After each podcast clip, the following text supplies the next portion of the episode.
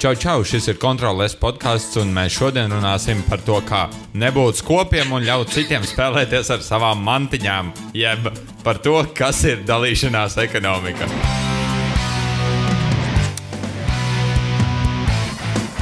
Uh, kā vienmēr esmu Kaspars, un es kopā ar Mārtiņu Čau! un Dāvi. Čau! Jā, un kā jau teicu, mēs šodien runāsim par dalīšanās ekonomiku, ja par to, ka, kā ļaut citiem spēlēties ar savām mantām, kas ir tas, ko mums mācīja būtībā visu bērnību. Es nezinu, jums neteica mamma kādreiz, ka nu, tā kā taču viņam arī paspēlēties ar savām mantām. Jā, teicu vienmēr. Es biju gan uh, vairāk tajā saņēmēju pusē, jo es nu, kā jaunākais bērns ģimenē, tad man nu, es parasti mēģināju spēlēties ar, ar uh, vecāko brāļu mantām. Tad viņi bija tie, kas dalījās drīzāk.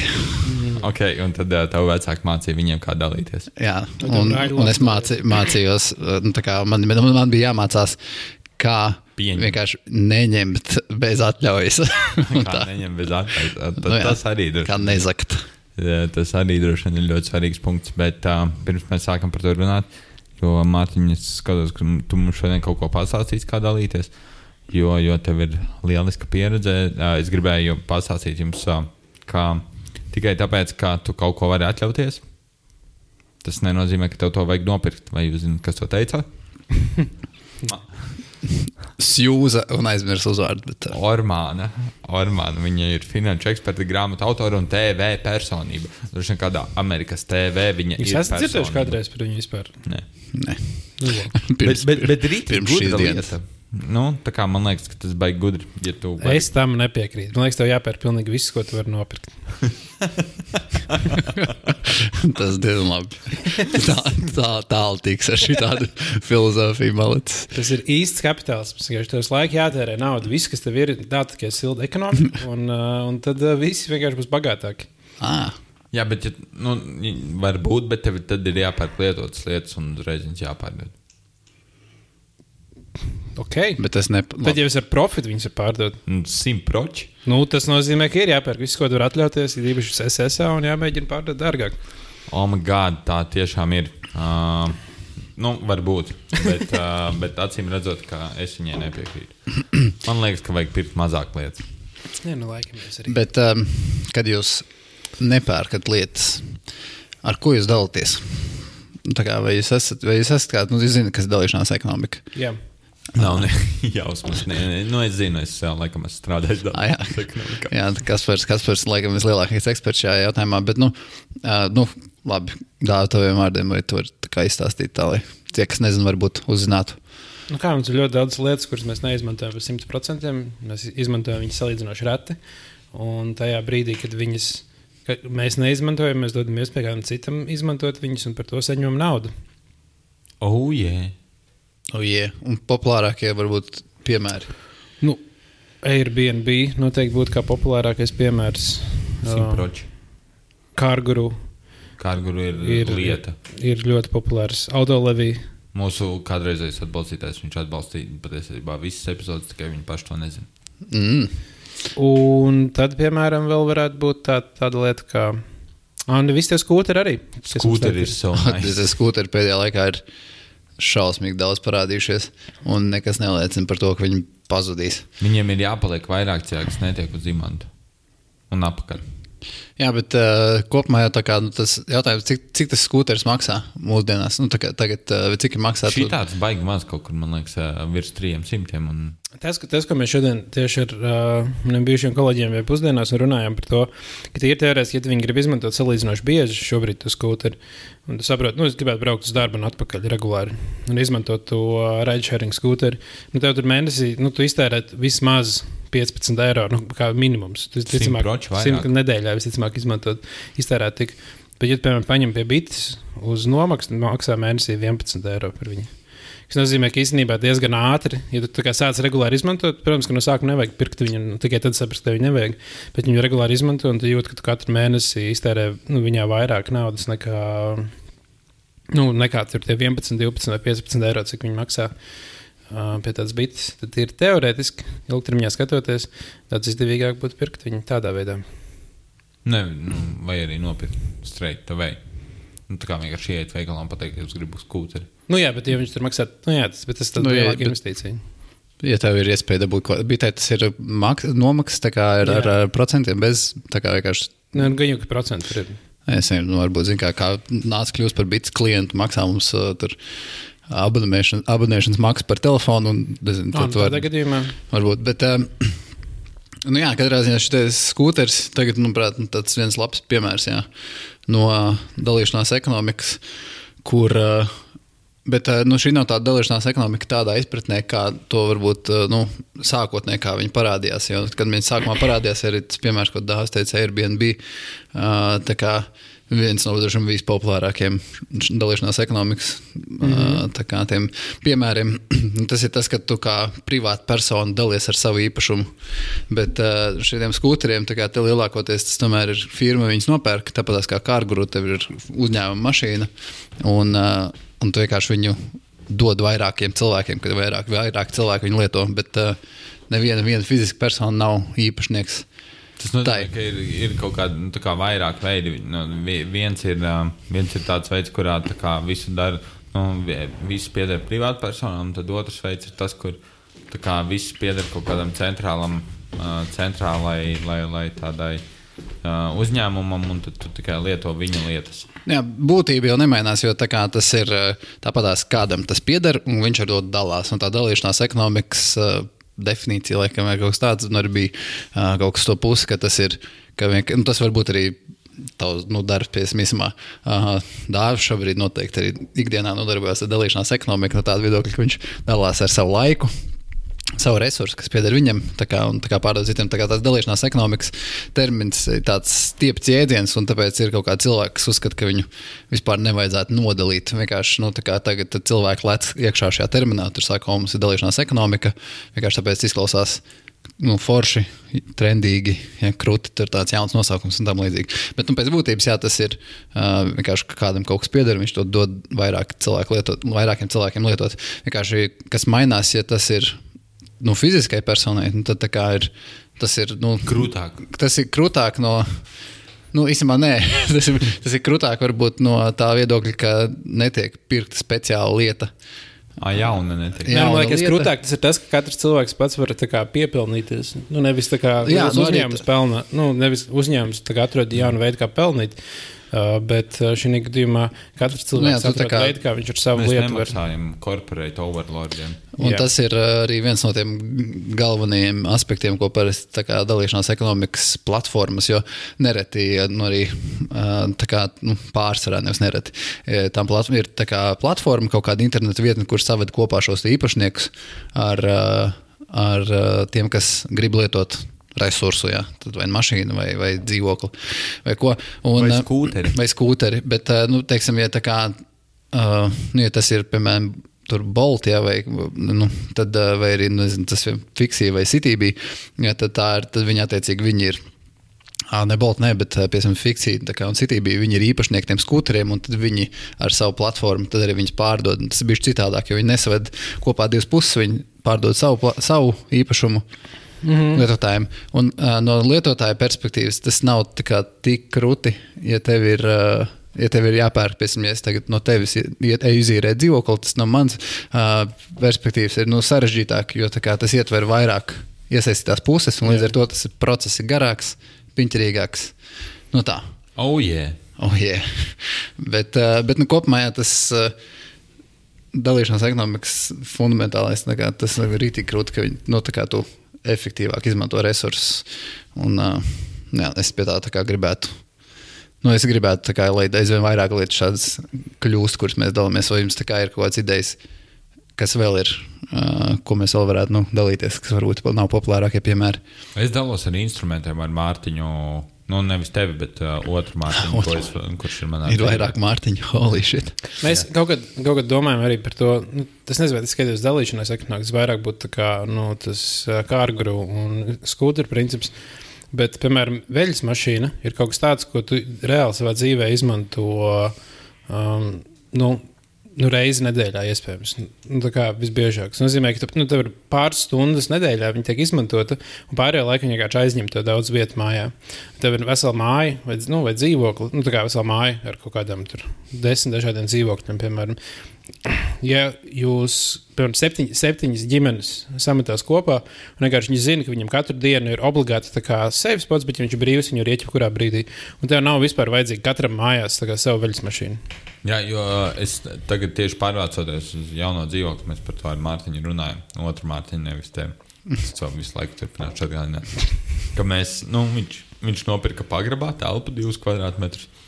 Un, uh, Mēs runājam, ka it kā mēs varētu turēt, nu, tā kā uz diviem dzīvokļiem pirkt tikai vienu veļas mašīnu un turēt viņu pagrabā, un vienkārši sadalīt, nu, kā, kuras dienas ir kuram. Un tad uh, vienkārši paņem krūtāku veļas mašīnu, tādu, kur tu, piemēram, ar aplikāciju vari kontrolēt. Mm -hmm. Es zinu, ka tādas eksistē, jo man darbā tāda ir. Nu, jā, un ja jūs esat vairāk cilvēki, tik, tik, tik līdz, piemēram, jūs esat. Uh, Oh, jā, tas īstenībā ir ļoti labs brīdis, kad, kad, kad kā, aplikācija veļas mašīnai tiešām noder. jā, jo jūs esat vairāk. Jo, iedomājieties, ja jūs esat septiņi īpašnieki šajā veļas mašīnai, un tad tev ir baigi svarīgi, tu vari apsīties dzīvoklī, vai viņi iet, kurš ir mhm. aizņēmis vietu, tu vari kā, pieteikties aplikācijā uz nākamo spotu, tu aiziet, tu viņus rezervēs, neviens cits savā spotā nevar ielikt, kā tikai tu, un tu uzreiz dod diezgan lielu. Mm -hmm. Jā, tas ir.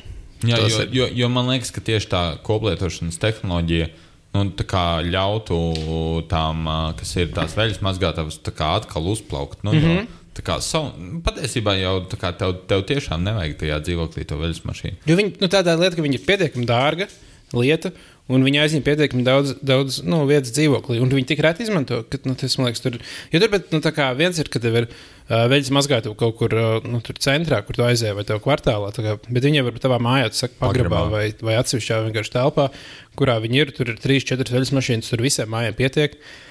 Un tas visiem atvieglo dzīvi. Kādreiz bija tāda ķīmiskā tīrīta bārnīs, un es vienmēr domāju, uz brīdi, tepat tās netālu no mūsu ierakstīšanās vietas, uz brīvības ielas. Un es vienmēr domāju, wow, šis gan kā rītīgi krūti, jo nu, bārnīs ir tā kā droši vien tie ārzemju, nu, ko mm. rāda, rādīja filmās un seriālos, iet uz to uh, ne, ne ķīmisko tīrītu, bet mazgāšanas vietu. Domāju, ka bārnīs dara to, bet uh, tad es vīlos. Reāli, nu, Rīgā nav tādas vietas, kā. Nu, veļas, kur stāv veļas mašīnas, tur nenormāli daudz un mazgā. Jo reāli nu, um, mums nav, tam, tam vienkārši nav bijis nepieciešamība. Un uh, šobrīd, mūs, kā, ja tagad mēs skatāmies, nu, tad nav tā, ka, ja tu izdomā taisīt biznesu, ka tu šausmīgi daudz no tā varētu nopelnīt. Pagaid, pagaid, bet tīri jau viena vieta, kur es zinu, kur točni ir šāds servis, ir man liekas, ka tas ir RTU studentu kopmītnes. Nu, jo, à, nu jā, kopmītnes, jo, jo kopmītnēs tev ir vēl mazāk vietas. Nu, tā kā normālā dzīvoklī tu vēl kaut kur atradīsi, kur to veļas mašīnu nolikt. Tad tu uzliksi viņai pa virsmu kaut ko, un tev brīvajā laikā būs galdiņš, no kura viss nokrīt nostakties līdz veļas mašīnai. Nu, loģiski, bet nu, tā kā. Vismaz mm -hmm. kaut kas, bet kopmītēs tev taču nav vietas veļas mašīnai. Un tev arī nav naudas pirkt kaut kādu lietu. Jā, būtībā Vai... tas ir pusbombas tikai studē. Un uh, tad, uh, tad tev ir kaut kur citur, kur tu tiec pie veļas mašīnas. Jā, mums augstskolā, Ventspils augstskolā. Kā jūs mazgājāt drēbes, vedāt pie senčiem? Oh. jo tā arī varēja. Sākumā, jā. Jā, jo es atceros. Sākumā tā bija, un tad mums bija, jo mums bija tikai viena veļas mašīna uz vis, visām kojām. Un bija jāpērk tā kā kuponi, nu, kur tu vari nopirkt tā kā laiku. Un viņas diezgan ātri izķēra. Un tad es, es noslēdzu līgumu ar Svetbanku, kā nu, no pašpārvaldes vārda. Nu, tā kā no pašpārvaldes Nopirkt puses. vēl vienu veļas mašīnu. Un uh, par to, ka viņi var nākt uz augstskolu piedāvāt, ne, pie, piedāvāt tās. Uh, ah, nē, vot tas, ka mums bija mūsu studentu kartes, jo mēs laiku pasūtījām studentu, nu, studentu apliecības atsevišķu, kā atsevišķu papīru. Viņi teica, kā, ka studentu apliecību var dabūt kā aizsaku. Ka visiem, nu, visiem studentiem bezmaksas aizsaks ir par to. Mēs noslēdzām tādu dīlu. Bankas kartē bija iekšā. Ne? Nu, protams, jā. Bankas oh, konts arī bija iekšā. Oh, bet, nē, bet mēs piedāvājam arī iespēju, kā, ja cilvēki baigi negribēja, jo bija tāds, kas teica, es negribu vērt tagad kontu vaļā, tikai tāpēc, tas ir apliecības. Mēs piedāvājam, nu, dabūt arī vecās pasūtīt. Tā kā atsevišķi. Bet, kas ir kartiņa tikai? Nu, jā, tas parasti kartiņa. Vienkārši, nu, bet tad, ja bet tev ir atlaides visur, jā. Jā, nu, tur, nu, labi, tās atlaides tāds. Un par to, ka mēs no, uh, par to, kas to izdarīja, tad. Uh, Svetbanka mums uzdāvināja vienu žāvētāju un vienu Oh. veļas mašīnu, un man uzdāvināja biļetes uz Prāta vētras koncertu. Oh, my God! Normāli. Vecie blēži, tas ir kā ieslidināja. Korumpants nāvis. Nē, es par to biļeti uzzināju pēc tā. Pēc, Tas bija droši vien tas, tas gads, kad viņam bija uh, tur Skonto stadionā Svetbanka īpašais koncerts, vai tas bija Jā, cits? tas bija tas, bet Jā. tas tā kā, un man bija uz tieši uz, man bija uz Rīgas koncerta biļets, un es iemainīju uz, uz saldus, jo man bija draudzene dzīvot. Šie gan vajag lēt tik cauri ar vienu veļas mašīnu un žāvētāju. Nu, nē, tagad Dabūja es- tādu klientu bāzi, diezgan krūti. Viņi gan jau, ka dabūja, dabūja prēmiju. Tā, tā čiks, kas man, kas man sarunāja. Es visticamāk, tā kā nu, tagad ar savām smadzenēm būtu kā, jau bišķi citādāk gājis uz to sarunu. Bet tad man likās, oh, my God, es dabūju kā veļas mašīnu skolā, un es jūtos vienkārši cilvēks, un viss bija priecīgi. Un, Vecie blēži ieslidināja klusiņām. Bet, uh, jā, par tām veļas mašīnām runājot, šis ir labs, labs kā tieši, nu, jā, ja tev ir viena ēka vai viena vieta, nu, tā kā, kur jūs visi esat un satiekaties. Un, un tad jūs varat sadalīt to, tās izmaksas. Bet nu, diez vai tu savu veļas mašīnu izīrēsi kaut kādam nezinu, randam cilvēkam ar ēpu, un viņš atnāk uz to māju mazgādrējumus. Tur to gan jau es nedarīju. to gan jau nedarīju. Bet, ja tu, ja tu nopērci veļas mašīnai rezerves ritenīšu, un tad viņi var iztumt koridorā un ļauj palietot citiem. Bet tur vajag arī ūdens padevies. Nu, Nē, bet tev varētu būt tas, kas būtu, būtu labi. Nu, piemēram, bet tas vienkārši vajag apvienot divas lietas. Ja atnāk cilvēks un viņš mazgā veļu, viņš vismaz kaut kādas nu, stundu, divas pavadīja pie tevis. Tas nozīmē, Tad tev vajag restorāns. vai Jā, vai tev vajag, tev vajag atrast tā kā vēl vienu, nu, vēl vienu lietu, kā tu viņu vari ekstra. tā Kā, piemēram, tā kā, Uz podkāstu atnāk. vai, vai atnāk uz podkāstu, nu tikmēr izmazgā veļu, vai tu viņu vienkārši tā kā izaicini uz tur, uh, NHL ma trīs mačiem. tā Kā, un tad, kamēr mazgājas veļu, tikmēr jūs Xbox abi spēlējat. Tev vienmēr tev ir tā kā, tu viens sēdi mājās, tu nav ko darīt. Tāds, ha, tu nopelni naudu no tā, ka, tā kā, ka cilvēks neizmazgā veļu. Plus, tev ir kāds draugs, kurš kā, ir atnācis pie tevis, vai restorāns arī ir laba ideja. Tu piedāvā tā kā, oh, tā kā pasta ar, uh, tur pasta ar uh, boloņas mērci, plus veļas mazgāšana. Bet, bet viens no tādiem jocīgākiem uh, piemēriem, kurus atradu par uh, dalīšanos ekonomiku Amerikā, ir, uh, uh, jā, kad tu dalies ar, nu, nevis izīrēji tā kā istabu, bet, nu, tu, ģipā, ve- vecie, veco ļaužu, tā kā, nu, gal, galvenokārt ir domāts veciem ļaudīm, ka tā kā viņi atrod sev dzīves biedru, ar kuru kopā īrēt tas tā kā, nu, liekas tā maksimāli jūtīgi, ka tev ir aplikācija priekš tā. un Tā kā, un tad, Tā kā Tinderis. Jā, tā kā opiem. opi, opium un omēm, bet tā lai viņi tā kā nevis sajiet kopā, bet nu, vienkārši nu, viņi dala dzīves vietu kopā tas, ir tas ir tikai next level Tinder. Bet tas ir arī tā kā, nu, man liekas, nu, tam jau ir, nu, tam Tinder. notiek slu- sludinājumi, tā kā cilvēki, nu, tā kā diez vai ka opi ir tie, kuri sāks lietot Aplikāciju, aplikāciju vai, vai, nu, aplikāciju tam arī nevajag, tam vienkārši vajag sanākšanas vietu, un mājaslapa, tad restīvi kaut kādu un tā.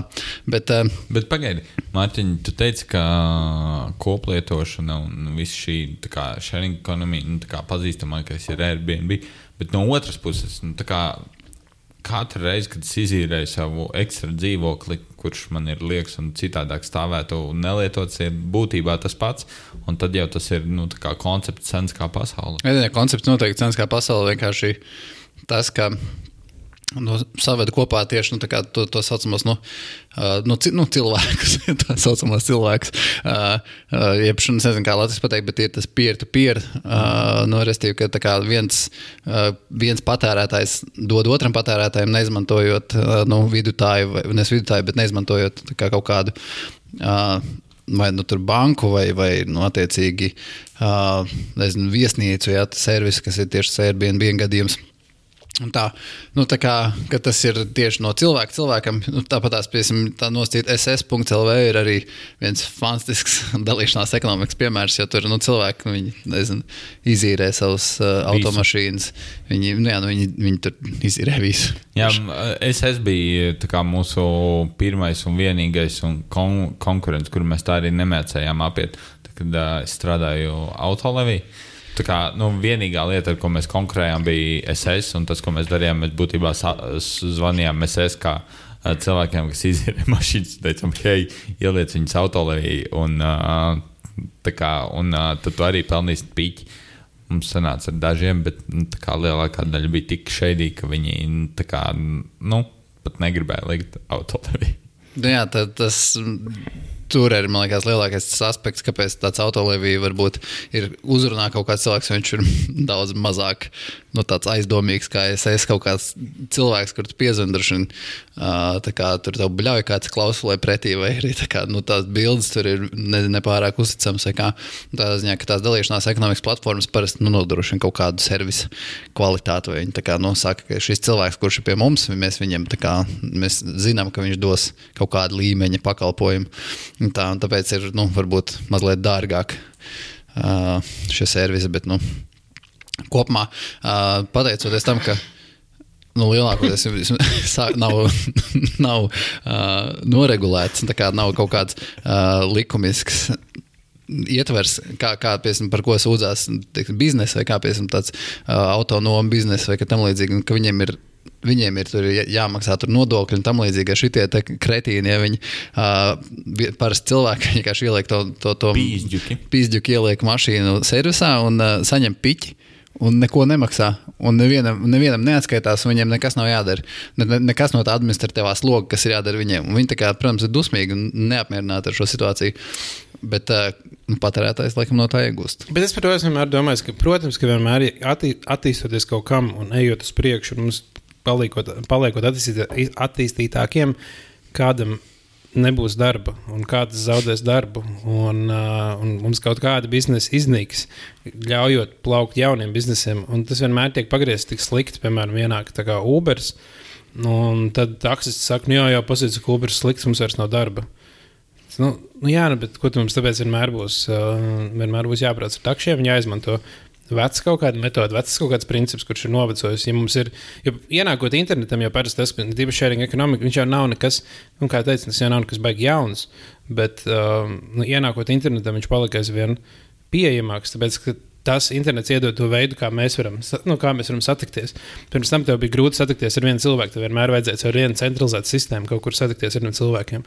Tā, tā centralizēta sistēma bija takša biznesa, piemēram. Viņi palīdzēja tev satikties ar tiem cilvēkiem, kur tev var aizvest kaut kur, nu, aizbraukt. Šobrīd tev vairs tie takša biznesa nav vajadzīgi. Katrs cilvēks var atrast cilvēku, kur, nu, kur vajag aizvest. Un tas jau ir, ir, ir mēs ejam uz priekšu, bet, protams, ka vienmēr būs kaut kāda daļa sabiedrības, kas teiks, nē, nē, šis ir slikti, tāpēc, ka redzes tiem cilvēkiem ir sliktāk ja kopumā jau nu, tā laikam ir tāda inovācijas definīcija, ka nu, tu iegūsti patērētājs. Nu, tad nevarētu nosaukt inovācijas definīciju, bet nu, galvenais ir tas, ka iegūst patērētājs un tas, ka tam taksistam nav vairs no darba. Nu, tas varbūt ir negluži mazsvarīgi, bet nu, viņš noteikti var adaptēties esošajai jaunajai situācijai. Jā, ka visi tie citi, kas strādā Uberā, ir tieši, viņi pilda tieši to pašu lomu, ko viņš teorētiski viņš jau var iet mm. un pildīt to lomu. Tā, tā ideja vajadzētu viņš būt. Viņš tikai domā, ka viņam ir foršāk, tur, nu, ja kāds viņu apkalpo, bet patiesībā viņš vienkārši zaudē naudu. Jā. Un daudz ko citu jau brīvību zaudē, un ko tik vēl ne. Tas, ir, tas jau daudz arī satura radītājiem. Tā tā centralizētā sistēma kādreiz bija mēdīja. Šobrīd tā centralizētā sistēma obligāti nav vajadzīga, jo tu vari auditoriju sasniegt arī bez mediju starpniecības, bez mediju. Tā kā, kā, kā tā, kurš atved auditoriju un saved ar satura radītāju. Šobrīd cilvēks pats var. Mēs varam paši sasniegt savu auditoriju. Un koplietot savu laiku, lai citi cilvēki varētu mm. paklausīties par piķi. Jā. Bet, eh, nu, jā, tad koplietošanas viedokļi ir eh, arī nu, dalīšanās ekonomikā. Es saku, ir tas versija, kur to dara uzņēmums. Un, nu, attiecīgi, mēs to saucam vienkārši par īri. Nu, jā, nu, tā, tā ir īri. Bet nu, lielākoties arī mēs, es pieņemu, ka mēs saskaramies ar to dalīšanos ekonomiku no tāda aspekta, kā mēs kā patērētāji, ka mēs izmantojam kādu citu resursu, tas pats bolts, ja, vai kā, nu, kā mēs, nu, nav tā, ka mēs izmantojam. Nu, mēs dodam savu resursu lietošanā, mēs izmantojam citu resursu. Un, teiksim, tajā pašā boltā tas ir tāds uh, Nu, arī, nu, līdz ar to man liekas tā dīvaini mazliet, ka tas tās definīcijas viņas tur tādas slidens ir. Jo mēs jau principā patērējam nevis kā, to, to mašīnu, bet mēs patērējam nu, drīzāk tādu vadītāju laiku. Jā, jā es tieši, tu, tieši to gribēju teikt, ka, ka Bolta gadījumā mēs nedalāmies ar mašīnu. Tā kā mēs nedodam mašīnu, bet mēs, jā, mēs dalāmies ar tādu cilvēku laiku. Piemēram, ir abiem. Nē, nu, jā, ar abiem. Jā, nē, ir. mašīna ir vienkārši bet... instruments šī, kā, šī pakalpojuma izpildē. Jā, bet, bet tā, riepas. bet tā, jā, bet riepas, bet riepas dāvi. vienkārši, vienkārši kā, ir cilvēki, kuriem ir daudz brīva laika, un ir cilvēki, kuriem vajag laiku. Un tad tie cilvēki, kuriem ir daudz brīvu laika, vienkārši ziedo savu laiku, lai aizvestu tos cilvēkus tālāk. Nu, tā kā, mm, Es domāju, jā, ka drīzāk nu, tas laiks ir lielāks faktors šajā, šajā gadījumā, nu, tā kā Bolta gadījumā. Airbnb, protams, atkal mēs, mēs dalāmies ar reāli īpašumu. Tur, tur ar laiku nav nekāds sakars. Jā, jo nu, un, un šī, man liekas, ir tā vieta, kur mēs esam. Kā, tas ir tas nākamais solis, jo mēs līdz, līdz šim laikam bijām pieraduši, ka vienīgais nu, lielais, lielais maksāšanas, nu, naudas avots, kas ir gatavs par, maksāt par kādu cilvēku laiku ir nu, uzņēmums, respektīvi uzņēmējs, kuram pieder uzņēmums, kuram vajag, lai tu uz viņam iedod savu laiku, lai saražotu to, ko dara uzņēmums. Bet lēnām, lēnām mēs pārējām tajā virzienā, kur kā, ne tikai uzņēmumi ir uh, tie, kas spēj par kaut ko maksāt, bet arī pats cilvēks. Nu, viņi, man kā cilvēkam tiek dota iespēja maksāt par cita cilvēka laiku daudz vienkāršāk nekā, nu, nekā iepriekšējos gadījumos, nu, nekā kādā citā laikā. Uh, pat tad, ja viņš dara kaut ko tādu, ko iepriekš nebija pierasts. Nu. Atcerieties, tu toreiz stāstīji par nu, to, ka, ka visi tiecās vienmēr šorkatiem, piemēram, enerģijas iegūšana, iegūšana šorkas. Varbūt var izstāstīt ātri īsumā, kā, kā tas bija. Piemēram, nu, mēs dedzinām naftu un dedzinām uh, saules enerģiju. Nu, tās abas divas ir saules enerģijas. Nu, nu, jā, jo, nu, respektīvi, mēs, uh, tad, ja tu vēlēsies patērēt enerģiju, tad viņiem vienmēr ir nu, jāpārveido citā enerģijā, kur tu māki patērēt. Nu, mēs, kadra, mēs gribam saules enerģiju iegūt, bet mēs patiesībā nemākam viņu patērēt, tāpēc mēs viņu pārveidojam elektroenerģijā. Nu, tur ir Pa, nu, jā. pa vidu ir zudumi, un tāpēc mēs cenšamies izslēgt tos zudumus. Nu, šeit ir līdzīgi, nu, lai cilvēks samaksātu par cilvēku laiku. Tad tu kādreiz tev bija jāmaksā kādai kompānijai, jā. un tad tā kompānija maksāja tam cilvēkam. Jā. Šobrīd vienkārši paliek aizvien vairāk iespējas, aizvien vairāk risinājumu, kurā mēs to kompāniju varam izslēgt ārā no tā un dot cilvēkam pa taisno. Un tad pēkšņi cilvēks, jo, ja tur ir pa vidu kompānija, viņi grib kaut ko nopelnīt no tā. Bieži vien tā ir liela kompānija, viņai ir liels izmaksas, un viņai ir tā, uz tām nu, izmaksas kaut kā jāatcīt, un viņi ņem diezgan lielu naudu un maz naudu dod tam gala cilvēkam. Un mēs aizvien vairāk, nu, pateicoties internetam, atradām tos veidus, kā mēs pa taisno varam iedot naudu tam cilvēkam. Mums to kompāniju, jo kompānija bieži vien bijusi tikai savācies kopā, kas savēl kopā. Internets tagad dara to daudz labāk, un mums tās kompānijas daudz jomās vairs nav vajadzīgas. Tā kā mēs runājam par bankām, kur nu, bankai ir jāmaksā par visiem tiem cilvēkiem, kas taisa viņas tēlu, apkalpo tevi pie kases un vispārējo. Nu, tā kā ļoti līdzīgi, jebkurai kompānijai jau ir šādas izmaksas. Katra kompānija ir kaut kāda mārketinga cilvēka, kur dara kaut kādas lietas, agents un vispārējie, kas nu, kā, viņi tur ir. Viņi, par viņiem ir jāmaksā, un tas ir tas, par ko tu samaksā to daļu, kur aiziet kompānija. Un, uh, tad, jā, jā. Un, uh, tad, ja ir mazāk šo cilvēku, tad, uh, un, bet uh, šo servisu nodrošina internets vai kaut kas tāds, nu, tad tu vari mazāk maksāt vienkārši šiem cilvēkiem, kas kādreiz darīja to darbu. Ak, Dievs, mēs radām bezdarbu atkal. Sasodīt. Nu, mēs, mēs esam vainīgi pie bezdarba Latvijā. Bet, bet jā, es gribēju piebilst, ka nu, uzņēmumiem tādā ziņā ir arī vēl viena tāda nu, laba īpašība, kas uh, varbūt pietrūkst uh, parastam cilvēkam, ka viņiem ir nu, kaut kāds uzticības garants, viņiem ir tā zīmola vērtība.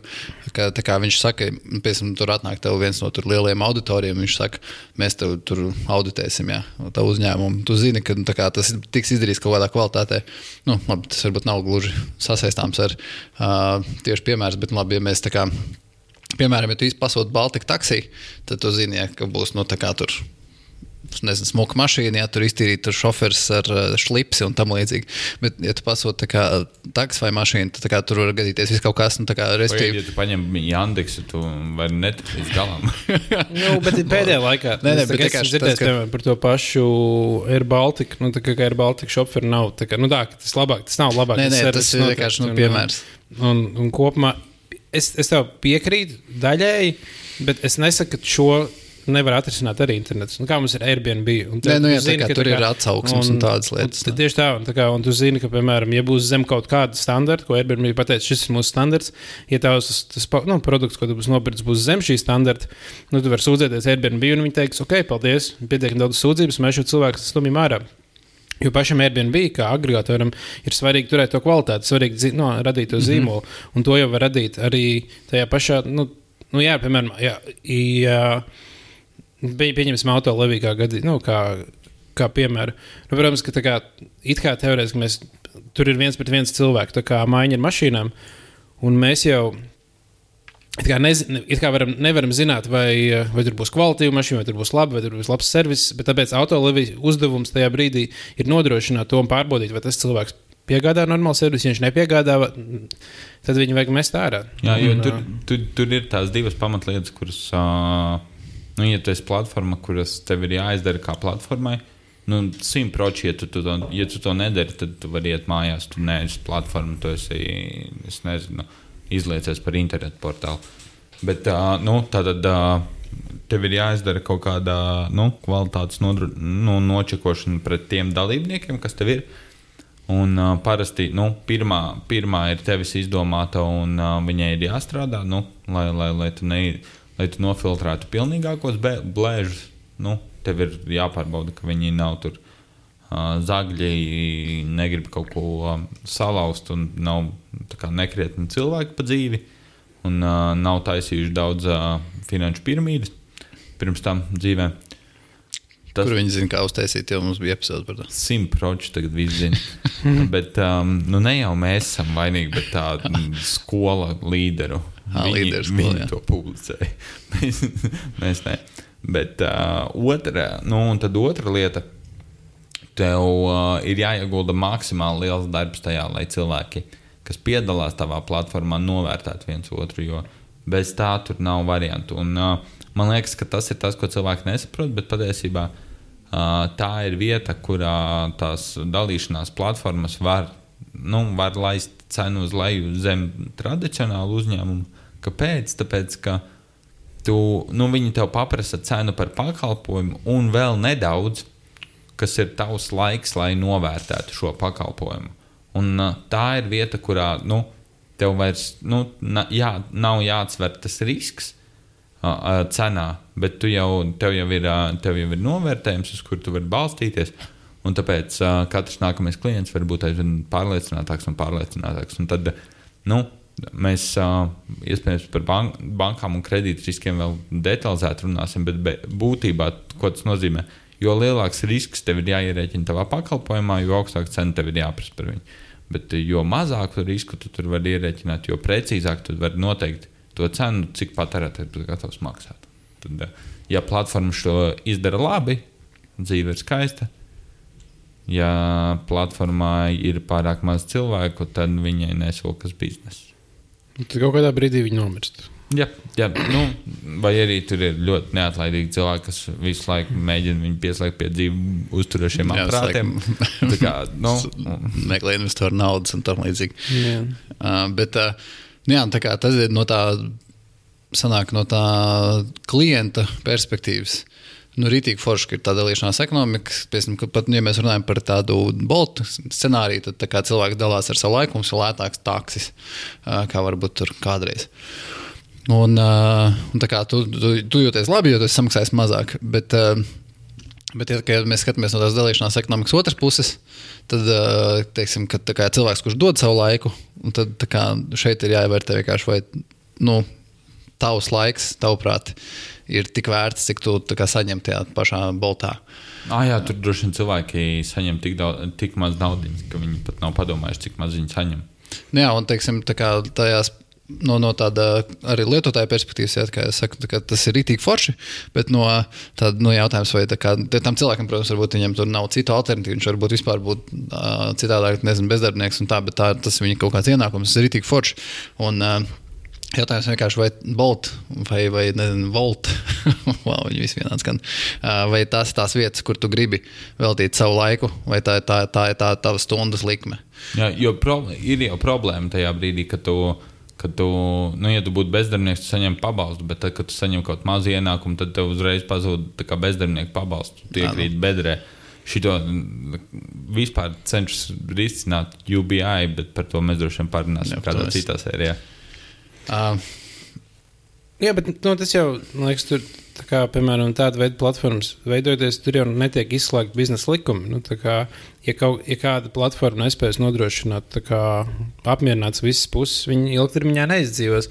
Un tur būs jautājums, kā tu vari izveidot platformu un apmierināt visas puses, un tad, tad tā būs platforma, kas dzīvos. Nu, kā, ja tu esi bolts, kurš spēj piedāvāt labu pakalpojumu patērētājiem mums, bet tu nespēj nodrošināt to, ka tavi taksisti ir apmierināti, Nu, Tad tev nav Nu, taksistu un ne, tā kā, Nu, nu, viņi, viņi iespējams tagad vēl ir, jo nav, nu, nav citu variantu. Tad ienāks tirgu kāds cits, kurš būs atrisinājis šo problēmu, vai būs, nebūs tik, tik alkatīgs un būs gatavs paņemt mazāk naudas sev, lai atdotu vairāk tiem cilvēkiem, vai atrast kaut kādu veidu, kā viņš var iz, diezgan ērti izveidot platformu, kur viņam ir jāapņem tikai ļoti mazs procents, un tā gal, galvenokārt tā nauda aiziet uh, starp tiem cilvēkiem. Mm, tad viņš vienkārši ātri vien dabūs lielu daļu taksas pie sevis. Un to platformu, kas, kas nav Bet- pietiekami draudzīga, nu, vienkārši iznīcinās. Bet tas laiks var būt pietiekoši ilgs. Mēs redzam, kā ir Latvijas ēdināšanas industrijā. Tur ir tur aizvien, aizvien jauni cilvēki, kur nesaprot biznesu, nāk iekšā, taisa savus ēdināšanas uzņēmumus.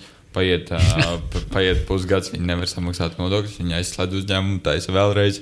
Paiet pusgads, nevar samaksāt nodokļus, aizslēdz vēlreiz.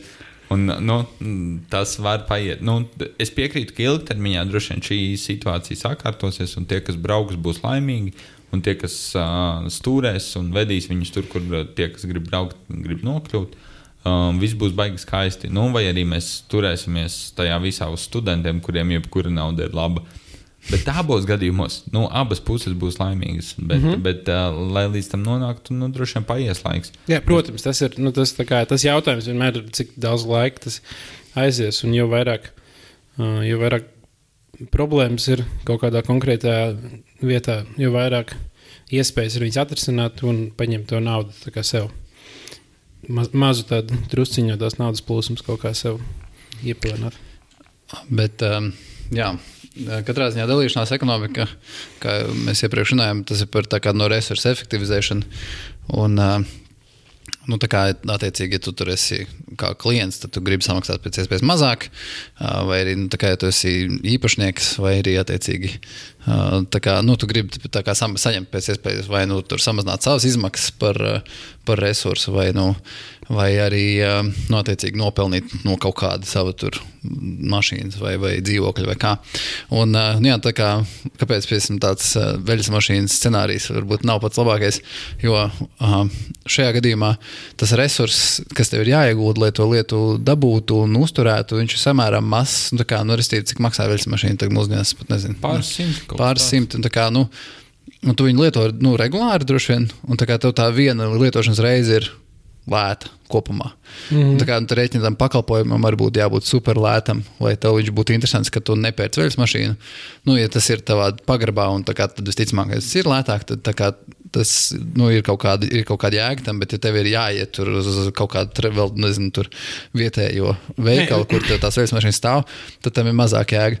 Un, teiksim, tāpēc tās dalīšanās ekonomikas uh, platformas arī pirmās, kur viņas parādījās, viņas bija uh, tur, kur ir vajadzīgi daudz resursi. Nu, sākumā, vai, nu, lai dabūtu to daudz finanšu resursu, lai dabūtu to nezinu, nu, vai dzīvokli, vai arī tas ir dārgs uzturēšanas, tā kā uz, no uzturēšanas aspekta. Un tā ir, piemēram, automašīna, kas ir nu, sasodīta dārga. Un tāpēc arī viņi to var marketē parasti, kā hei, re, kur ir nācis uz mūsu dalīšanās ekonomikas platformu, mēs samazināsim tavas uh, izmaksas, vai arī tā kā tu varēsi iegūt no. Nu, vai, piemēram, nekustamais īpašums. Tāpat tās. Jā, jā, Tagad tu- Tev ir nekustamais īpašums, tu viņi varbūt negrib pārdot. Tu saproti, ka tur nu, ilgtermiņā īrē, tu maz ir nopelnīt, bet tev ir vairāk brīva laika, tu viņu var ī- īstermiņā īrē mm, nodot. Jā, es, es nesen dzirdēju, ka Ņujorkā plāno tā kā, īstermiņā īrēs Uber piedāvāt arī kā, helikopters. Jo acīm redzot, Ņujorkā tā ir lieta, un lai tu varētu aizlidot līdz lidostai. Nu, tā kā, Ah, jā, jo, jo būsim reāli, nu, tā kā pat tie cilvēki, kuriem pieder helikopters, cik reizes dienā viņi lido ar helikopteru kaut Nu, jā. Nu, jā, piemēram, helikopteri noteikti ir kaut kāda tāda lieta, ko tu. mm, Nu, Ja tev viņš ir, jā, tu viņu izmanto ļoti reti. Un, nu, tad tu vari dot vienkārši cilvēkiem. Viņš vienkārši fucking dārgs. Tas ir vienīgais, kas ir. Nu, līdzīgi tāpat tās arī automašīna. Nu, tā kā, nezinu, lielākais cipars pārsvarā, kur saka, ka tur 90% nostāv tā automašīna kaut kur pie darba vai pie mājām. un Tu izmanto viņu 10% Zini, laika. ka- Un, un īstenībā, tad, kad tu, ja tu brauc uz darbu un atpakaļ regulāri ar mašīnu, tas jau patiesībā ir baigi. Nu, regulāri izmantot mašīnu. Ļoti daudz cilvēkiem, tīpaši Rīgā, ir mm -hmm. tā, ka viņi mašīnu izmanto tikai brīvdienās. O, jā. Un, tas nozīmē, ka tev vesela nedēļa stāv mašīna, kas ir diezgan liela vērtība, kas tev patiesībā varētu nest diezgan, diezgan regulāri kaut kādu naudu iekšā. Uh, bet, uh, nu jā, man, man senča gadījumā tas tieši tā arī ir. Un patiesībā arī manā gadījumā tas tagad, vasarā, nu, ja ziemā es atceros, es teicu, ka es braucu uz darbu ar mašīnu katru dienu. Tad, beidzi to darīt? tad, ne, tiklīdz, tiklīdz uh, pienāca vasara, vairs nebija dubļi, kas man lidos muguras. Tad es um, sāku, sāku braukt ar velospēdu atkal. Un, uh, Jā, un tā kā par to dalīšanās ekonomiku, tā galvenā ideja ir, ka tu iegūsti vienā pusē, tev ir lētāk, otrā, otrā pusē tu kaut ko iegūsti. Kā. Tur tev nu, arī, arī nāk vai nu lētāk, vai nu tu nopelni. Bet, nu, droši vien, ka lielākos gadījumos tu visticamāk daudz nenopelni. Bet, uh, ja vien tu neesi tur dedikēta persona, kas kā, es, es rītīgi izīrēšu savu otro dzīvokli. Un, um, Raivis Raspopovs ļoti daudz izīrēja mašīnas, un viņš daudz nopelnīja. Jā, Es nu, nezinu, vai viņš beigās palika plusos, jo viena mašīna viņam tur nesnāca labi. Tur mēģināja čaļi nozagt benzīnu. Bet, nu, Nē, nu, Aivars Popovs arī ir izklausās pēc čaļa, kuram tā kā. Bet īstenībā arī nu, piemēram, ar, ar savu dzīvokli man tagad viens draugs uh, ielika vienkārši, tagad būs uz Sheeran koncertu. Tā kā Airbnb vidējā dzīvokļa cena tā kā Rīgā ritīgi uzkāpās augšā. Un tur diezgan daudz īstenībā par dzīvokli, nu, par vienu to nakti varētu kaut kāds 100 eiro mierīgi dabūt. Un viņš vienkārši ielika savu dzīvokli, tā kā Airbnb uh, uz to vienu nakti. Un uh, tad tajā, tajā naktī sarunāja pie kaut kāda čoma. Viņi kā ir kaut kādi četri čomi. Uh, trīs noīrēja dzīvokļus, un viss paliek pie viena čūska nakti. Tā kā to vienu nakti, kamēr ir koncerts. Un viņi īstenībā katrs nopelna tur um, 100 eiro uz vienu vienā reizē. Šis labs. Tad, Šis labs koncepts kopumā. Jā, tad, ja, tad, kad tu brauc, ā, tad, kad uh, es turpmāk braukšu ceļojumos, tajā brīdī, kad uh, Rīgā būs kāds liels koncerts. Vai erots. Gan jau, esi Oh, jā, tas ir tas, ko es vēlos savā dzīvoklī. Viens no lielākajiem, lielākajiem Rīgas notikumiem gadā - erots. Es nesaprotu, kāds pasākums turpina eksistēt. Nē, no acīm redzot, ir pieprasījums. Acīm redzot, jā. Nu, jā, vai, piemēram, arī tieši pats, pats, ja tu brauc ceļojumā, nu, teorētiski, zini, ka tu brauc uz nedēļu ceļojumā, tu ieliec vienkārši tajā, tajā brīdī, nu, tev pieņemsim, tev ir pietiekami liels dzīvoklis, ka tev ir kaut kāds viens spots, kur visas tos privātās lietas vienkārši vari salikt iekšā. Mm. Tas nozīmē, tu tā kā pa tām dienām, kamēr tu esi prom ceļojumā, tu jau vari atpelnīt un, un tā kā vismaz atpelnīt kaut kādu daļu to naudu, ko tu iztērē paliekot ceļojumā kaut kur. Nu, labi, Latvijā varbūt tā, tā ir. Salīdzinot, Utopija. nu, ne utopija tas tā, varbūt nav tik vērtīgi, jo nu, Latvijā tās nekustamā īpašuma cenas ir zemākas nekā jebkur, kur tu brauksi. Bet, piemēram, ja tur otrādi ir, tad tu dzīvo nezinu, Londonā. Un tu gribi braukt uz Rīgā brīvdienās, tu izīrē tā kā nedēļu, tā kā Londonā savu dzīvokli Airbnb. Un, um, Man būtībā var dzert, cik gribi. Un, un, tu, un tu īstenībā, un, tie, un tu atbraucot uz Latviju, tā kā tev ir gan, jā, tev ir gan vieta, kur palikt par to naudu, plus tu vari vienkārši iet ballēties. Un tas tā kā beigās pa- pavadīs bezmaksas nedēļu Rīgā. Vienīgais jārēķina, ka tas visam nāk klāt iespējams nodokļi. Ja tu esi Apzinīgs. apzināta persona, un uh, ja tev nav bail, ka tev tur kaut ko tur ieraudzīs. Nē, Un, uh, vai arī nu, jautājums, cik bieži to dara, jo nu, atkarīgs protams, no valsts, bet nu, teiksim, Latvijā, ja nemaldos, bija trīs. Trīs reizes, kad tu, ne, vai trīs reizes gadā, kad tu vari teiksim, izīrēt dzīvokli. Piec, līdz Ne, piecām. līdz piecām reizēm, man liekas, bija piecos gados. Ah, varbūt. Un kā, kad jau piecos gados piecas reizes izīrējis, tad tev ir jāsāk maksāt par šo nodokli. Bet kas ir forši, ka no īpašuma, tiesību, no īpašuma izīrēšanas uh, tas nodoklis, tā kā, nu, tur ir citi noteikumi. Tas nav tā, ka tev jāmaksā pilns ienāk, iedzīvotāja ienākuma nodoklis un tam līdzīgi. Bet, um, nu jā, un, un uh, kā, nu, un otrs ir tas, ka tev ir kaut kāds administratīvs sloks. Tev ir jābūt kādam, kas tur vai, vai, vai spēj nočakot, Nu, jā, vai, protams, vai kā. Bet, uh, bet nu, tā kā restīvi, tas nav tur viss tur skaisti. Un rožaini, protams, obligāti. Un tā. Uh, Ah, Bet tu beigās izīrē savu mašīnu. jā, bet uh, es gribēju pastāstīt no tās otras puses, nevis no lietotāja puses, bet no uh, tā, kurš dod dalās ar savu īpašumu perspektīvas uh, par to, vai tas ir izdevīgi no, nu, jā, no, no šīs puses. Un uh, mans stāsts ir par uh, automašīnas iznomāšanu. Uh, Es par automašīnas īpašnieku laikam kļuvu pagājušo gadu vasarā, kaut kad es neatceros precīzi, kad. Nopirki? Uh, nu, nosacīt, man senčs nopirka jaunu mašīnu. Teica, re, kur šī ir mašīna, kur tu vari dabūt. Samaksā mums šī tādu summu pēc pieciem gadiem. Uh, un, uh, Tad viņi nopirki. tad, tā kā principā viņi nu, jā, bez, bezprocentu kredītā jā, no vecākiem. Uh, bet, um, Bet, uh, nu, jā, automašīna kā, nu, nav jauna, tur desmitā gada. Nu, viņai ir kaut kādas, protams, nu, uh, nolietojumi, tur pazīmes un tam līdzīgi. Un arī tas, ka viņi, nu, jo, jo vecāki viņi kļūst, jo, jo kaut kādas lietas sāk parādīties, un viņi sāk plīst. Piemēram, šogad man tur saplīs uz simts reizes, man liekas. Un, un kopumā tas pasākums ir diezgan dārgs. Un, um, un jā, nu, tā kā arī tas pats autolevija, kuras to automašīnu iznomāju. Viena no tādiem mārketinga ja, tā iemesliem, kāpēc to darīt, viņi saka, lai samazinātu savas automašīnas izmaksas. Tev jau nav jāizdomā, viņi tur visu laiku.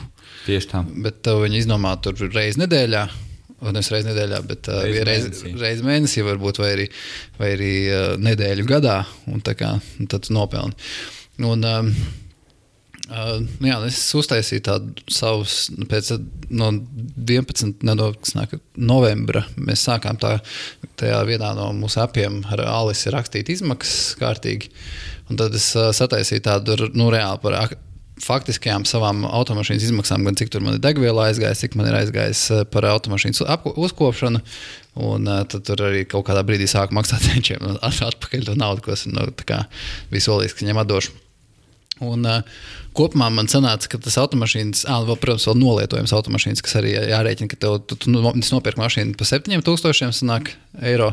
Visticamāk, es viņu par 7000 nepārdošu. Es viņu pārdošu droši vien par kaut kādiem, nu, labākajā gadījumā 4,5. Tā kā kaut kad pēc, pēc tā, tā perioda, es rēķinu trīs gadi, apmēram, kad man tā kā viņi būs. Un tad arī jāierēķina tas, tā starpība, ko tu, mm -hmm. protams, ā, zaudēsi tajā laikā. Un, ā, Un man tās mēneša izmaksas mašīnai ir um, nu, diezgan liels. Tā kā te 300 eiro apmēram uh, mēnesī. Jo tas, Tas ir ar vai bez degvielas. tas ir ar degvielu. Bet, okay.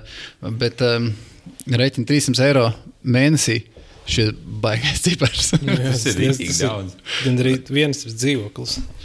Nu, jā, bet tas ir. Proči viens starp dzīvo. Un rēķina, tā kā nu, es ziemā braucu katru dienu ar mašīnu uz darbu. Tur, un tā, un tad mēs braucām ārpus Rīgas diezgan samērā regulāri katru nedēļas nogali. un Tāpēc man tā kā ziemas periodā tur varbūt ir dārga, vairāk degvielas izdevumi. Bet, eh, bet jā, nu, tad bija pienācis moments, kad man tur sanāca, uh, ka vajadzēja mašīnu remontēt. Plus vēl bija, tur, protams, apdrošināšanas jāmaksā un tam līdzīgi. Pagaid, Un Kopumā pagaid, pagaid, tas cipars sanāk. Man ir jautājums, ā, ā, un, ā, un tev vēl ir ļoti lēts līdzings, vai ne? Nu, ar līdzingu es saucu to, ko tu Nu, paņem jā, jā, no no senčiem. senčiem. Tad es biju bezprocentu. Jā. Jā, bet nu, tad, tā summa sastāv patiesībā mazu, da, mazu daļu no šī visa. Kāda summa tieši Nu, tas, cik daudz tev ir jā, nu, tu esi atmaksājis. tas, uh, jā, tas tiks atmaksāts. Es vispār šajā gadījumā nerēķinu iekšā, jo, jo nu, tā kā man liekas, būtiskāk ir uh, tas nu, nu, nolietojums. Ok, no šī, ok. no šī, jo tā kā man tās nav izmaksas, tas vienkārši ir. Es nolieku šo naudu nost. Tas vienkārši Ok. ir. Uh, jā, no, no naudas perspektīvas, protams, tā nauda aizplūst, bet no izmaksu perspektīvas tā kā, mm. -hmm. tās nav īsti izmaksas. Bet uh, nu, jā, nu, tā kā es, man vairāk interesē, jo teiksim, tieši uh, gadījumi par kā man vecāki un kā es, kas mašīnu lieto nedēļas nogalē ā, lielākoties. un Tad ā, es izreikināju, cik man izmaksā mašīna tad uz vienu nedēļas nogali.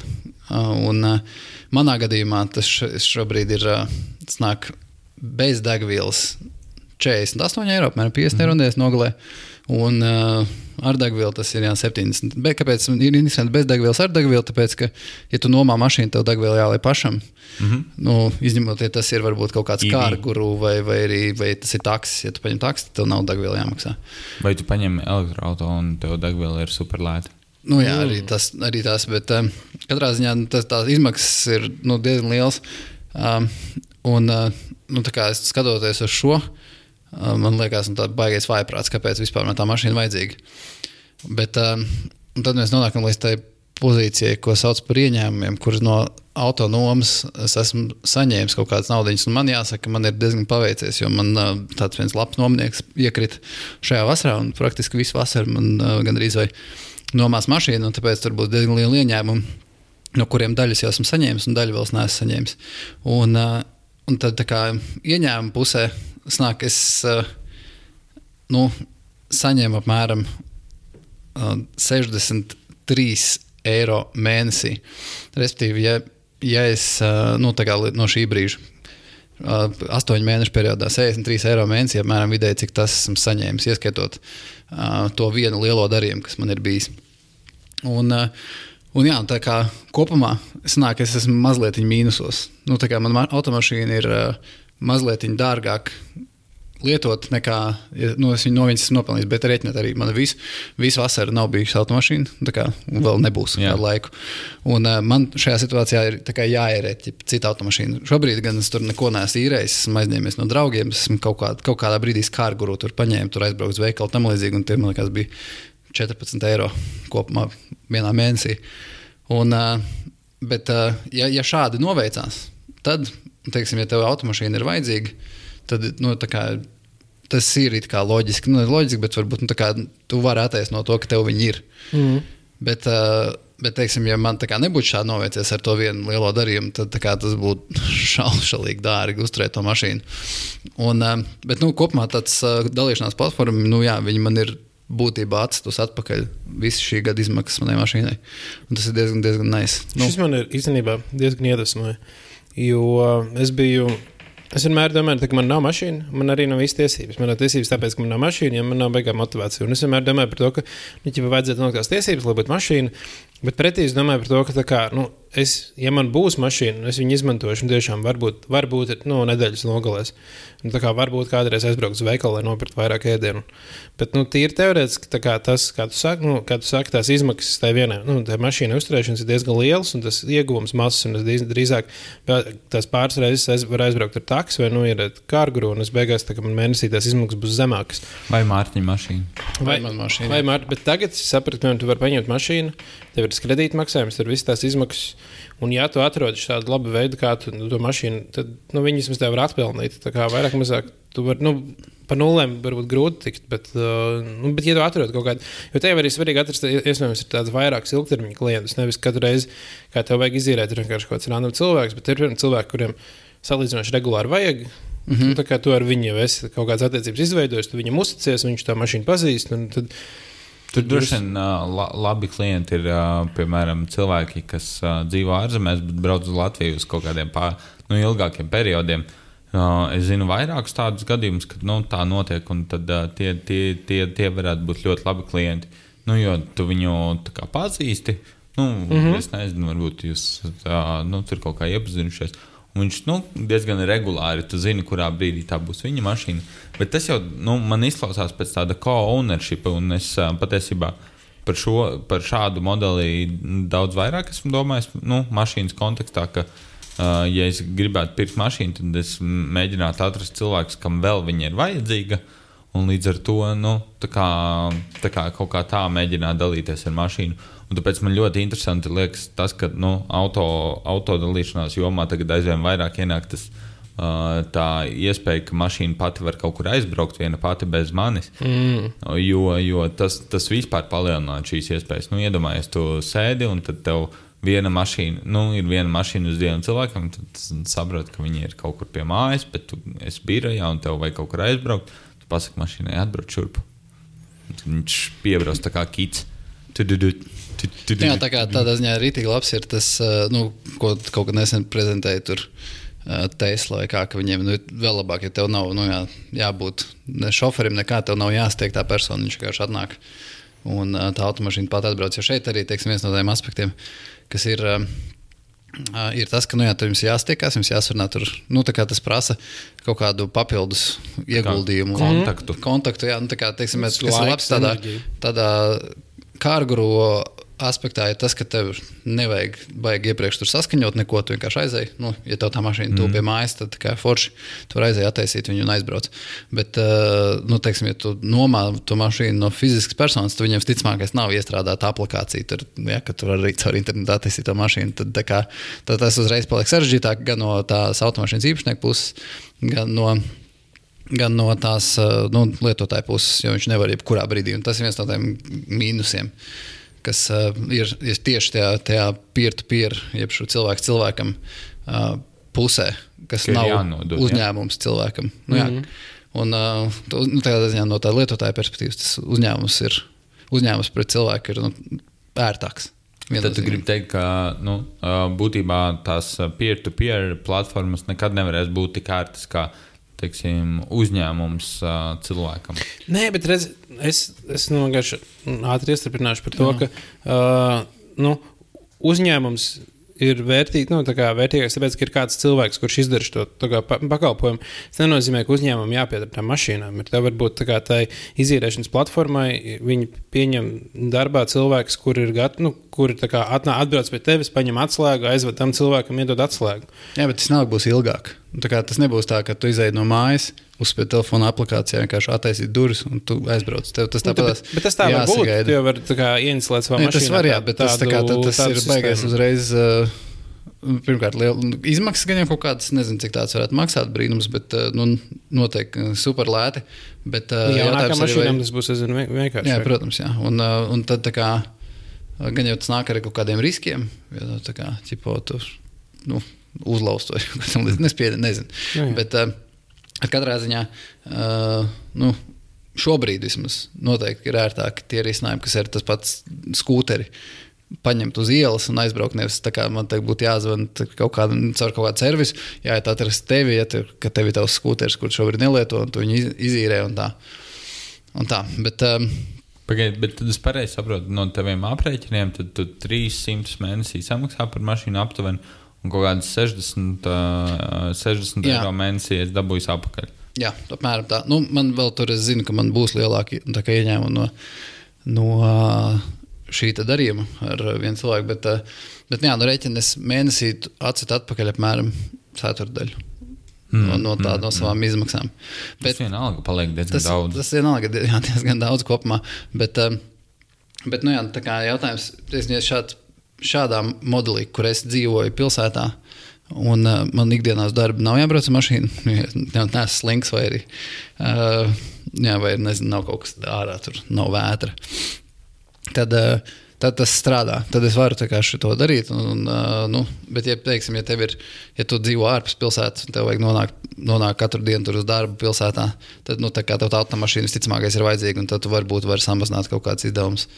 Uh, mazliet iznomājot viņu kaut kad. Vai arī vai vēl, nu, kā, vēl trakāk, ja tu dzīvo laukos, ir rītīgos, kā, un tev vispār pilsētā nav jābrauc, tad bez automašīnas, protams, tu nevari nekādi. Mm. Un tā, un šajos gadījumos, nu, droši vien arī tā iznomāšanas iespēja ir daudz mazāka. Bet, uh, bet nu, piemēram, pilsētas gadījumā, nu, jā, nu, šobrīd, vismaz manā, manā situācijā, nu, jā, īsti, ja vien tev nav tā ārkārtīgi tur status apliecinājuma vajadzība, ka tev ir automašīna, vai arī tas, ka tev nav vajadzības pēc tā, ka es tagad varu noiet lejā, iekāpt mašīnā un aizbraukt kaut kur. Vai arī, nu, nezinu, tas tev dara super laimīgi, ja tu vari ikdienā, tā kā, nezinu, draudzene vai, vai brāli vai jebkur citu aizbraukt uz jūru, un tev nav tur īpaši jāplāno nekas vai jāsaskaņo. Tad, kā, tas ir itī krūtis, protams, bet ja tev tā kā tā nav, tad uh, automašīnu, ja tu dzīvo pilsētā, tiešām nav jēgas uh, pirkt. Man sanāk, ja es ikdienā, ikdienā man automašīnas izmaksas vidēji sanāk apmēram uh, ar degvielu apmēram 10 eiro. 10 eiro sanāk, es reāli varu ar tādu aizbraukt turpat pakaļ uz darbu. Uh, un, un, Dienā tu strādā diezgan tuvu tam. Jā, bet, bet nu, vai, arī, vai arī 10 eiro ir tā, ka nu, es varētu ar 10 eiro tas ir dienā, tas, ir- tas ir 70 eiro nedēļā. Un, um, es uh, tiem 70 eiro nedēļā, nu, ja man jābrauc nedēļā, varbūt iepirkties vienreiz uz veikalu, tad. Uh, Nu, es visticamāk, es neiztērēšu 70 eiro automašīnā. Es droši vien paņemšu to pašu kārguru, un man nu, jau šobrīd ir tāda pieredze, ka esmu samaksājis attiecīgi vienā reizē. Tas nu, bija kaut kādi 12 eiro, vienā reizē mums kaut kādi 10 eiro. Un tā, un tā kā respektīvi pilsētā. Nu, labi, protams, jautājums par vasarā tas ir bijis citādāk, ziemā tas mazliet citādāk, bet eh, jo tā kā tu dažkārt mazāk pārvietojies ar velospēdu. Un, bet uh, kopumā automašīna nu, ir tāds dārgs, ekskluzīvs prieks, kas manos aprēķinos. Un, jo mēs ar Rundiju pat nepaņēmām kārguru. Mēs vienkārši piezvanījām taksim no veikala. Viņš piebrauc un mēs iekrāvām visus savus iepirkuma maisiņus viņam bagāžniekam. Viņš aizveda mums līdz mājai, kas bija nu, 2,5 km. Jā, un tas beig beigās ir diezgan. Nu, mēs Jā, jo samaksājām uz- uz- iekāpšanas maksu. un Jo uz veikalu tev, tev tas, tā, tas tak, taks nav tik ļoti svarīgs. Jo tev viņš ir svarīgs. Viņš var pastaigāties. Jā, tu aizies, tev ir vēl pastaiga, nopērc lietas un atbrauc mājās. Un tu samaksāsi tur tiešām tur 3 eiro. Mm, mm, mm. Un, ja tu pēr- iepērcies reizes nedēļā, tas nozīmē, ka tev daudz iepirkumu vajadzīga tikai reizes nedēļā. Tas nozīmē, ka tu īstenībā ar 3, tur, 3 līdz 5 eiro var atrisināt visu šo problēmu, ka tev vajadzētu mašīnu, lai tu varētu kādreiz aizbraukt uz veikalu un nopirkt daudz lietas. Tu īstenībā tev nevajag mašīnu, jo mašīna ir milzīgas izmaksas mēnesī. Jā, šausmīgi. bet te tu vari tikt ar 20 eiro cauri mēnesī šādā formā. Bet, bet nu, es jau noteikti, tā kā man tagad tas vasaras uh, nomas stāsts diezgan veiksmīgs, bet es noteikti ikdienā nu, iepriekš neesmu bijis pats veiksmīgākais, droši vien tur uh, automašīnas iznomātājs, jo droši vien, ka es to varēju, nu, vai nu samazināt cenu, un tad, attiecīgi, to cilvēku varētu gribēt vairāk. Vai arī, piemēram, zinu, ka var, var iznomāt automašīnu Bolt tiem pašiem. Jā, nu, Cilvēkiem, kas grib strādāt ar boltā un pelnīt tur naudu, viņam nav savas automašīnas, viņi var teiksim, iznomāt to mašīnu un lietot. Un varbūt es varētu tādiem iznomāt, un tā, ka tā vairāk palielināt savus ieņēmumus. Bet, uh, bet nu jā, tā, kā, ta- tas, ko es negribu noteikti teikt, ka šo nav vērts darīt. Uh, un tā, ja tā kā jums ir vajadzīga mašīna, tad šo, ar viņu dalīties ar to mašīnu citiem cilvēkiem noteikti ir vērts. Jo tas ir, uh, nu, manā gadījumā, ievērojami samazinājis izmaksas, mm. uh, kas man ir bijušas. Uh, bet, uh, bet nu, ja tu gribi ar to nopelnīt, tad visticamākais, ka tas nebūs tas veids. Nu, jā, tas tiešām ir samazināt izmaksas. un tā. Jā, bet um, viens no tādiem negatīviem aspektiem, jā, kur es saskāries no tās iznomātāja puses, ir, um, ir uh, ka nu, jā, tas nāk ar tādu čakaru un administratīvu slogu. Nu, man ir uh, pirmkārt jāizdara kā līgumi. Tur jā, kā jāiet, jāsmeklē tas cilvēks, mums jāstiekās. Viņš parakstās, nu, viņam jāstāsta viss. Man jātērē kaut kāds, nu, kopumā es teiktu, tur neaiziet pār, nu, pāris stundas noteikti mm. uz vienu darījumu. Mm. Un, teiksim, tas ir viens darījums, un tev pāris stundas aiziet, tad jau tu ierēķini savu laiku. Tad tas ir uh, vēl viens tāds, nu, tā Mīnus. mīnus. Uh, un tādā ziņā tāds atkal uzņēmums. Cilvēks, biznesa modelis ir. Uh, nu, tur tur teiksim, visi, visi ir vienojušies, re, kur, ka nevis uh, cilvēks ar cilvēku noslēdz līgumu, bet ir vienojušies, ka mē, es ar uzņēmumu esmu noslēdzis līgumu. Tāpēc mums nav jātērē laiks, lai mēs parakstītu līgumu, lai mēs tur vēl kaut ko tādu. Nu, tas, tas ir, mēs varam to darījumu izdarīt uzreiz. Jā. Un, tā kā tas ir tā ziņā ērtāk. Nu, Uh, tas ir. Um, nu, tā- tāpēc atkal baigi vērtīgs ir uh, ilgtermiņa klients. Jā. jā, un Tāds klients, ar kuru tev ir kaut kādā veidā jau izveidota šī sistēma, un tu tā kā to, to administratīvo slogu noņem nu, ar kaut kādā līmenī nost. un Un tad, rītīgi grūti būtu vēl arī ērts e-paraksts. Nu, tas arī būtu rītīgi grūti. Nu, nevis nērts, tāds Jā. viņš ir, bet ērts. Jā, tas būtu labi, bet nu, arī viņi būtu jāmāk lietot visiem. Un uh, jā, no tādas uh, arī nu, lietotāja perspektīvas, nu, tas, ka tev no šādā gadījumā ir grūti dabūt lietas uz, uzreiz. Nu, tā kā tu nevari tagad. Nu, vai arī, vai, nu, teiksim, un, un kaut vai arī no tāda, nu, teiksim, nu, izīrētāja perspektīvas arī tu nevari, tā kā tas nenotiek momentāli, un tas ir čakars. Jā, bet no otras puses, cik, cik, cik bieži tev vajag lietas nu, tagad?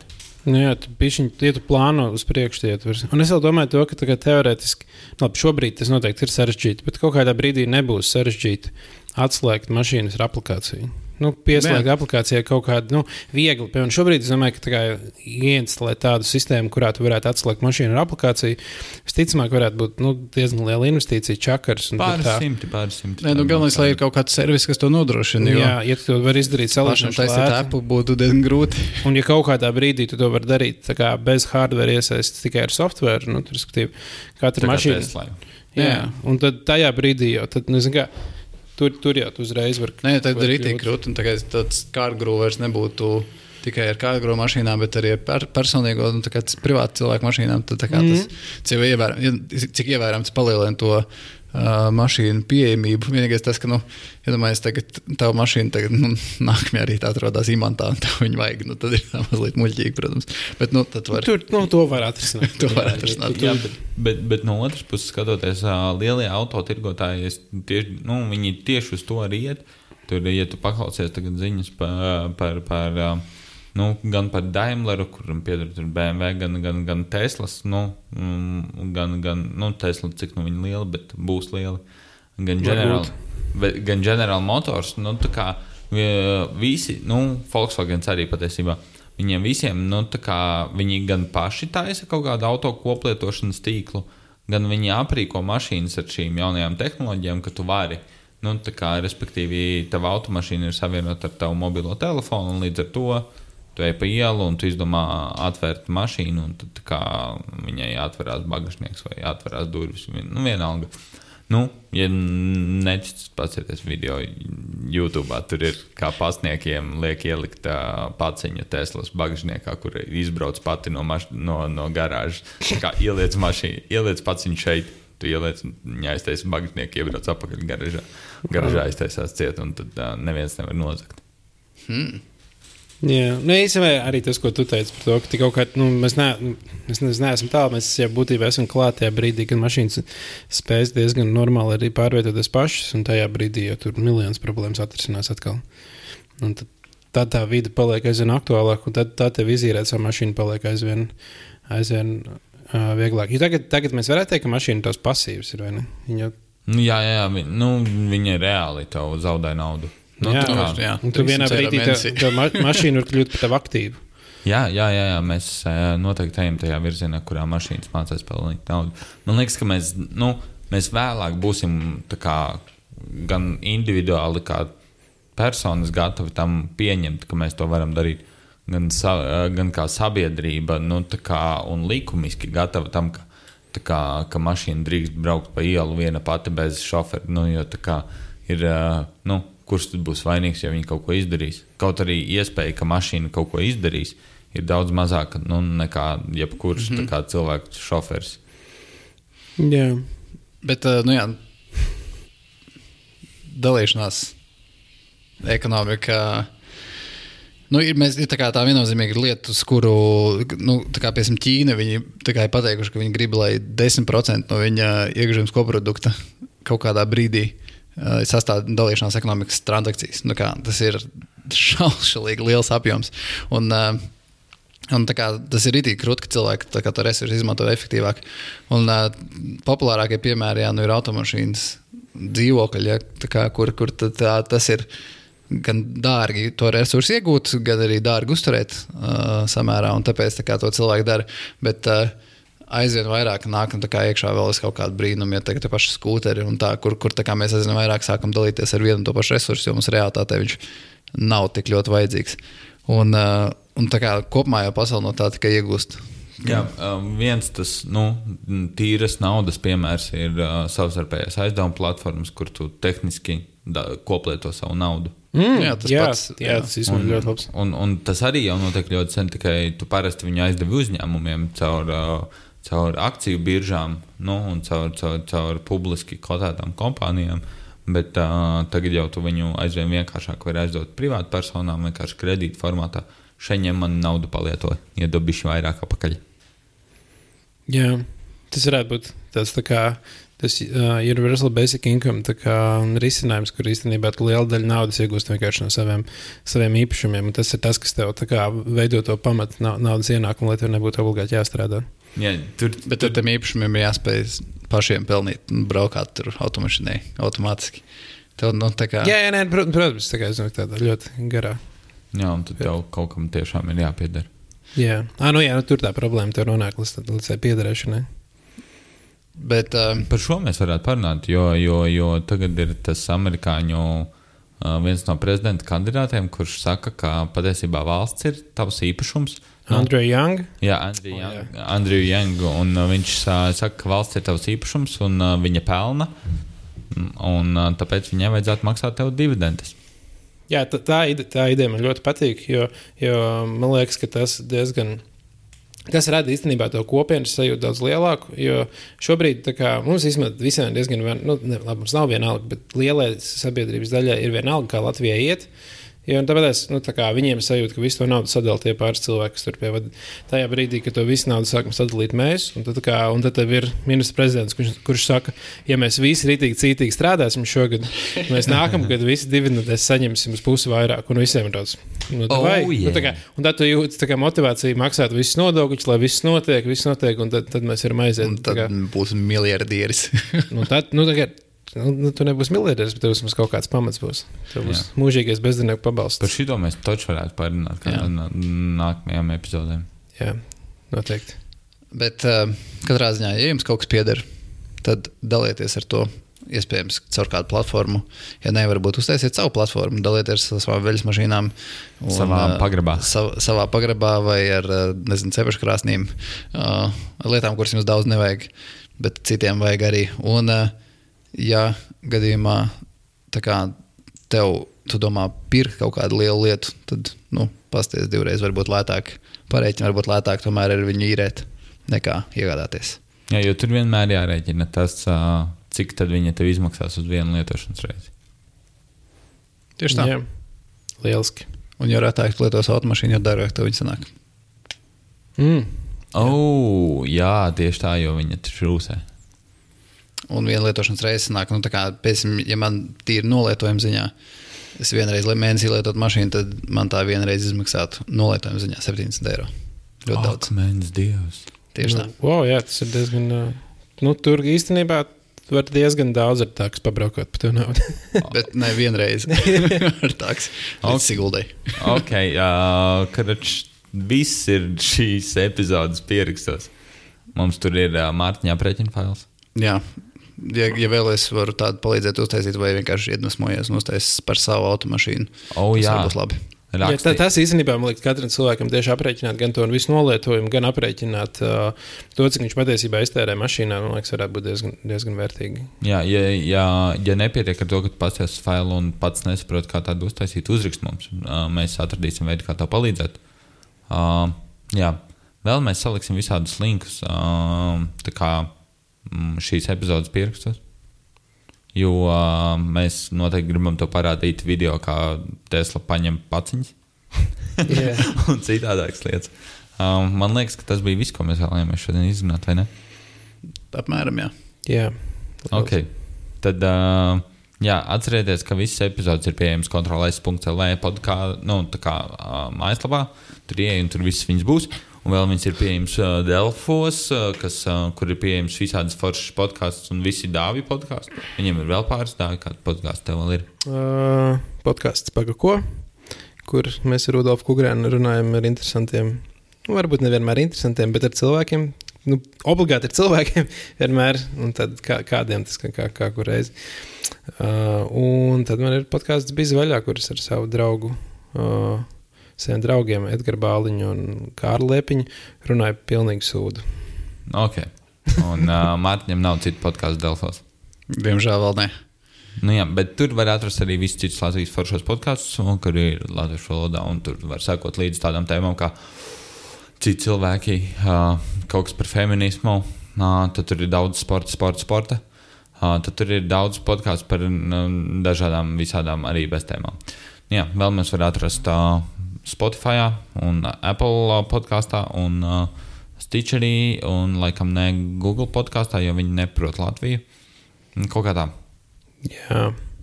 Nu, jā, tā kā meklēt, var tur, kur Ja tev, gribas. ja tev šķiet, ka kādam šis varētu būt interesants, nošēro mūsu podkāstu viņam. O, oh, jā, aizsūt linku. Un uh, tiekamies citreiz. Čau! Čau!